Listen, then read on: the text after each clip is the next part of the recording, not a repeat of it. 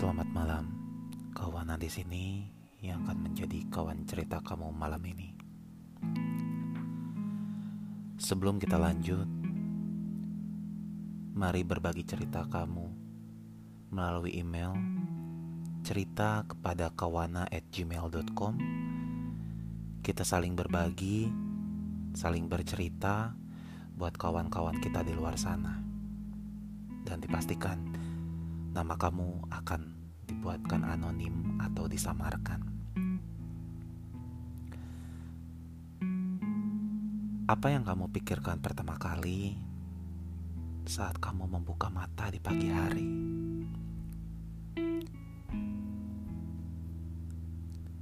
Apa yang sebenarnya kamu pikirkan ketika kamu merasa menjadi orang yang paling sial?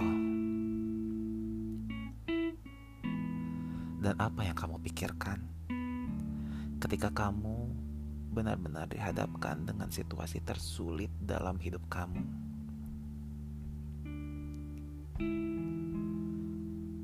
Malam ini, sebut saja namanya kasih.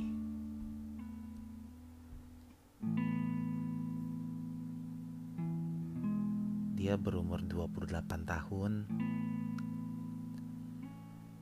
merupakan anak tunggal, dan lahir di Cirebon. Kasih tinggal di Bandung, menjadi anak rantau,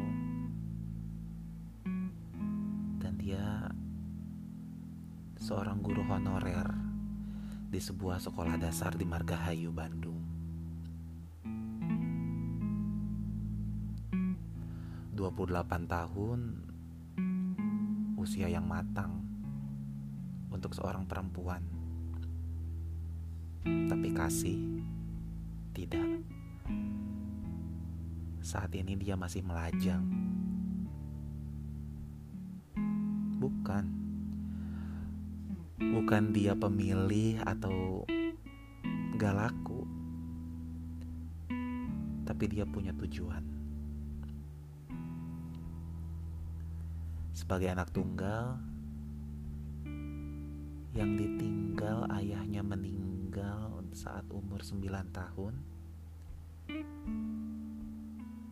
Kini dia menjadi tulang punggung keluarga. Ya.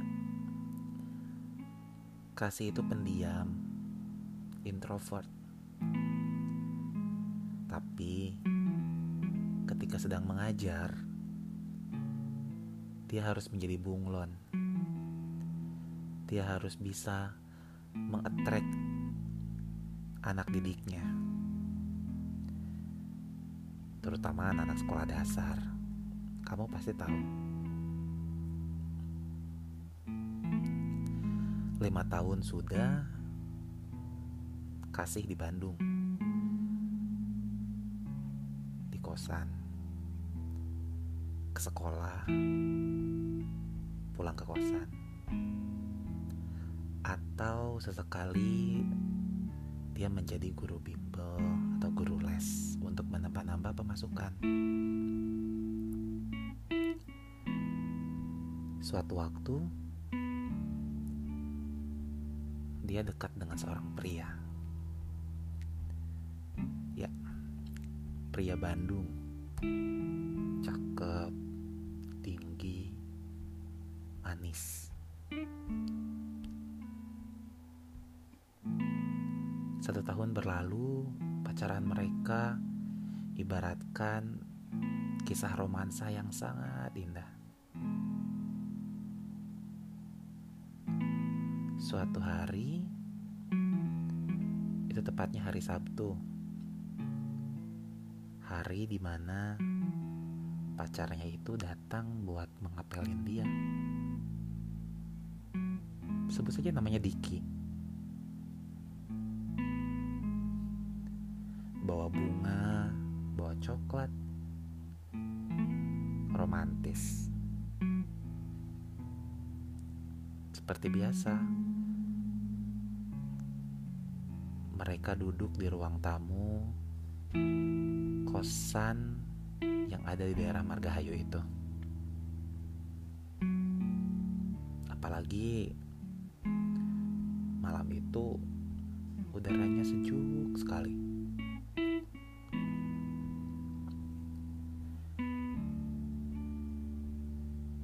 Kasih tersenyum dan sewaktu-waktu mena menatap matanya Diki. Tapi ada yang berbeda dengan Diki malam itu. Bunga dan coklatnya hanya tersimpan di meja dan Diki tak cuman tertunduk, lesu.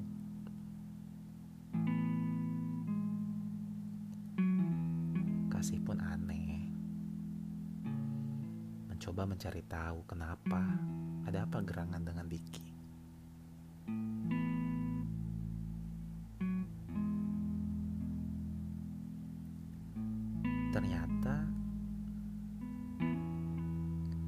Disangka-sangka Diki pun langsung mengutarakan apa yang dimaksudkan.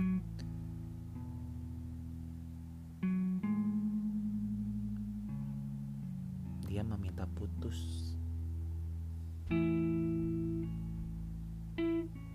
Ya. Kasih cuman bisa melongo. Diam.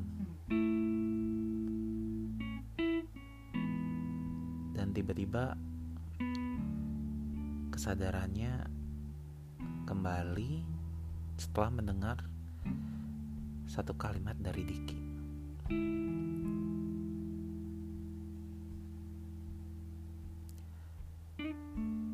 Dia dijodohkan dengan anak rekan papahnya di perkebunan teh di Bandung. Dan ternyata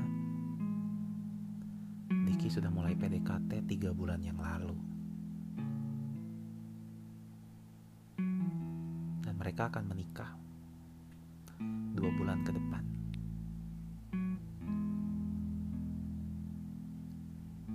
Sakit, sakit banget pasti. Singkat cerita, mereka pun putus. Butuh waktu sekitar satu bulan lamanya buat kasih kembali bisa menjalani hari-harinya seperti biasa. Dia kini semakin anti dengan yang namanya cinta. Kadang dia berpikir, apakah tidak ada satu pria pun yang bisa menemani hidupnya? Di saat ayahnya pergi dan sekarang ditinggal oleh sang pria pujaan hati. Satu bulan setelah putus dari Diki, kisah kasih ini nggak berhenti. Hari Senin setelah upacara bendera, dia dipanggil ke ruang kepala sekolah. Dikarenakan ada sistem ajaran baru dan juga ada pemangkasan biaya operasional sekolah, honorernya dia tidak diperpanjang. Sontak. Itu ibarat badai di siang hari buat dia. Satu-satunya penghasilan mata pencaharian kasih harus terhenti. Yang pertama di benaknya kasih adalah muka sang ibu. Dia bingung harus seperti apa nanti ke depannya. Keputusan yang tidak bisa dia tolak. Apalah dia, seorang honorer. Ya, begitulah.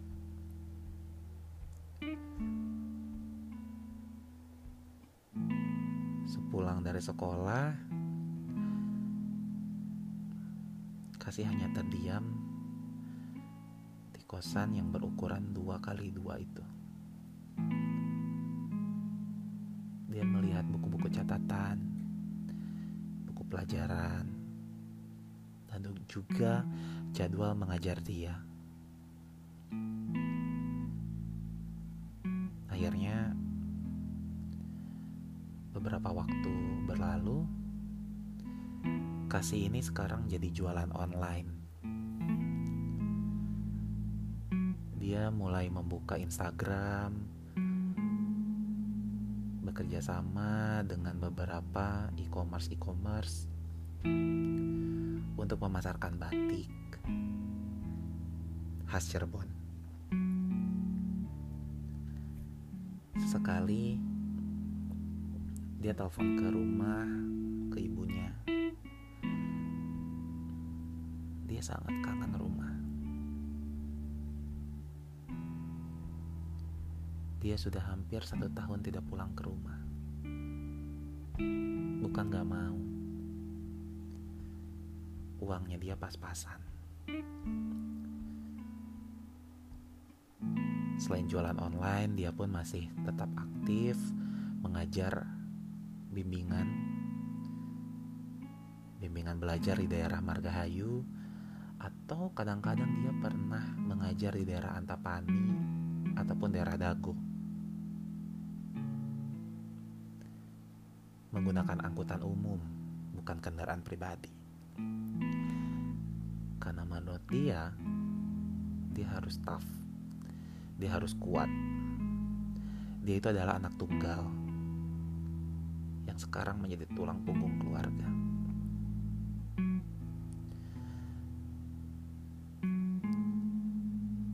Akhirnya setelah terkumpul uang, dia pulang ke Cirebon dan berhenti ngekos di Bandung karena dia memutuskan untuk tinggal di Cirebon bersama ibunya.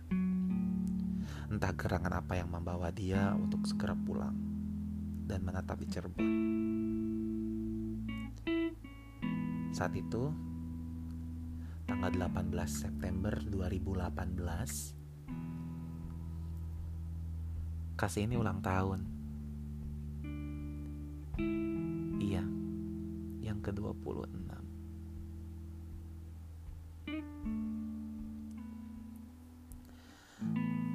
Itu adalah hari yang terindah buat Kasih karena dia bisa kumpul bersama ibu tercinta. Aneh, saat itu ibunya penuh dengan senyum, memeluk erat, dan meminta tidur bersama dengan dengan kasih. Tiap hari ibunya pengen tidur dengan kasih. Itu adalah hal aneh yang kasih rasain setelah dia pulang ke Cirebon.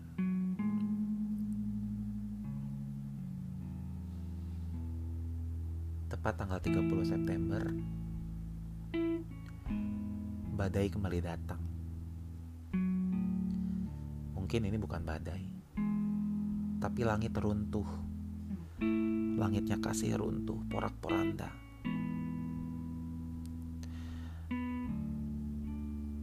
Air matanya tak mampu lagi menetes. Mulutnya tak bisa lagi berbicara. Hanya terdiam, menatap sekujur tubuh seorang ibu tercinta. kaku, dingin, dan terbungkus kain kafan warna putih.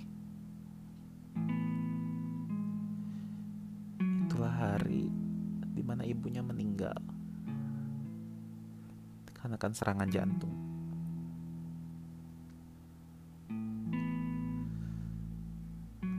Kasih yang merasa orang yang paling tidak layak dicintai oleh laki-laki mana pun kini dia makin merasa dirinya adalah merupakan pribadi yang sangat sulit sepanjang hidupnya dia.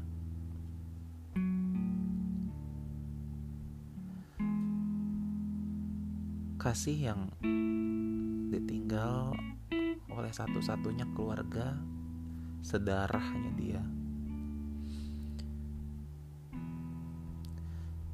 Yang tak mampu lagi menangis Kalau dulu dia menangis ketika ayahnya meninggal itu karena ingin menguatkan sang mama, sekarang dia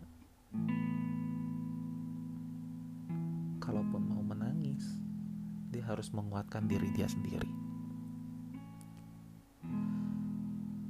Sampai-sampai dia menutup beberapa cermin di rumahnya karena dia takut berhalusinasi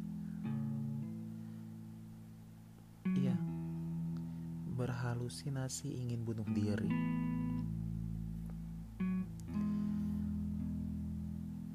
Kasih ini tak mau dia dikasihani. Dibuat iba. Sahabat-sahabatnya, omnya, tantenya selalu bilang kalau dia nggak sendiri, dia masih punya mereka. Tapi itu beda mereka bukan keluarga buat dia. Mereka itu hanya pelengkap.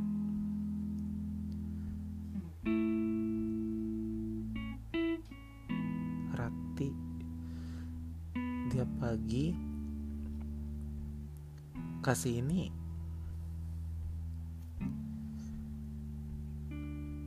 Hanya menangis. Siangnya pun dia menangis tapi kasih sadar dia itu perempuan anak tunggal yang sekarang menjadi anak yatim piatu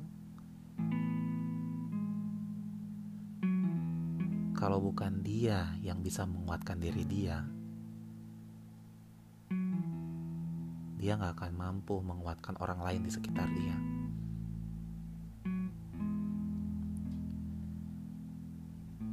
Kasih ingin berpesan buat semua orang dan kawan-kawan di luar sana yang mendengar ceritanya kasih ini. Bersyukurlah ketika kamu membuka mata kamu di pagi hari, bersyukur. Bersyukur ketika kamu masih memiliki orang tua yang lengkap. Menangislah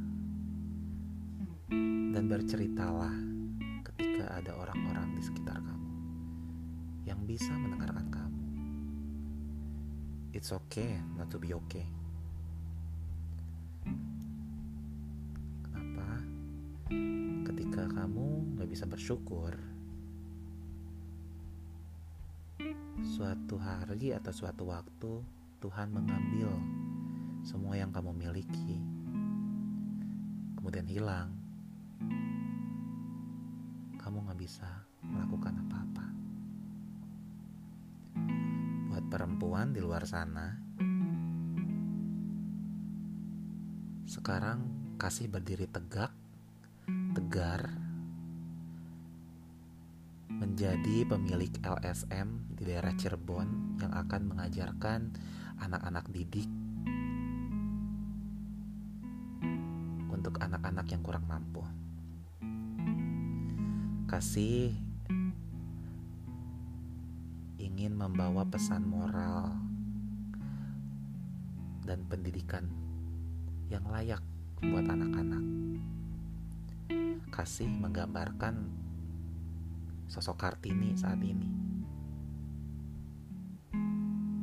Keras, dihantam, bahkan satu-satunya ya keluarga yang dia miliki harus hilang tapi dia menguatkan diri sendiri, tegar, tegak, dan sekarang menyebarkan aura positif buat sekelilingnya dia. Kasih, cerita kamu telah tersampaikan. Semoga malam ini kamu mendengar cerita ini kita saling menguatkan. Semoga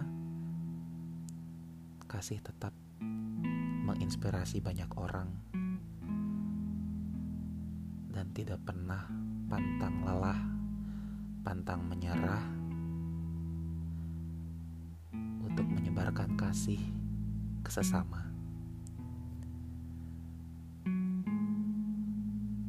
Cerita kawana malam ini. Selamat istirahat.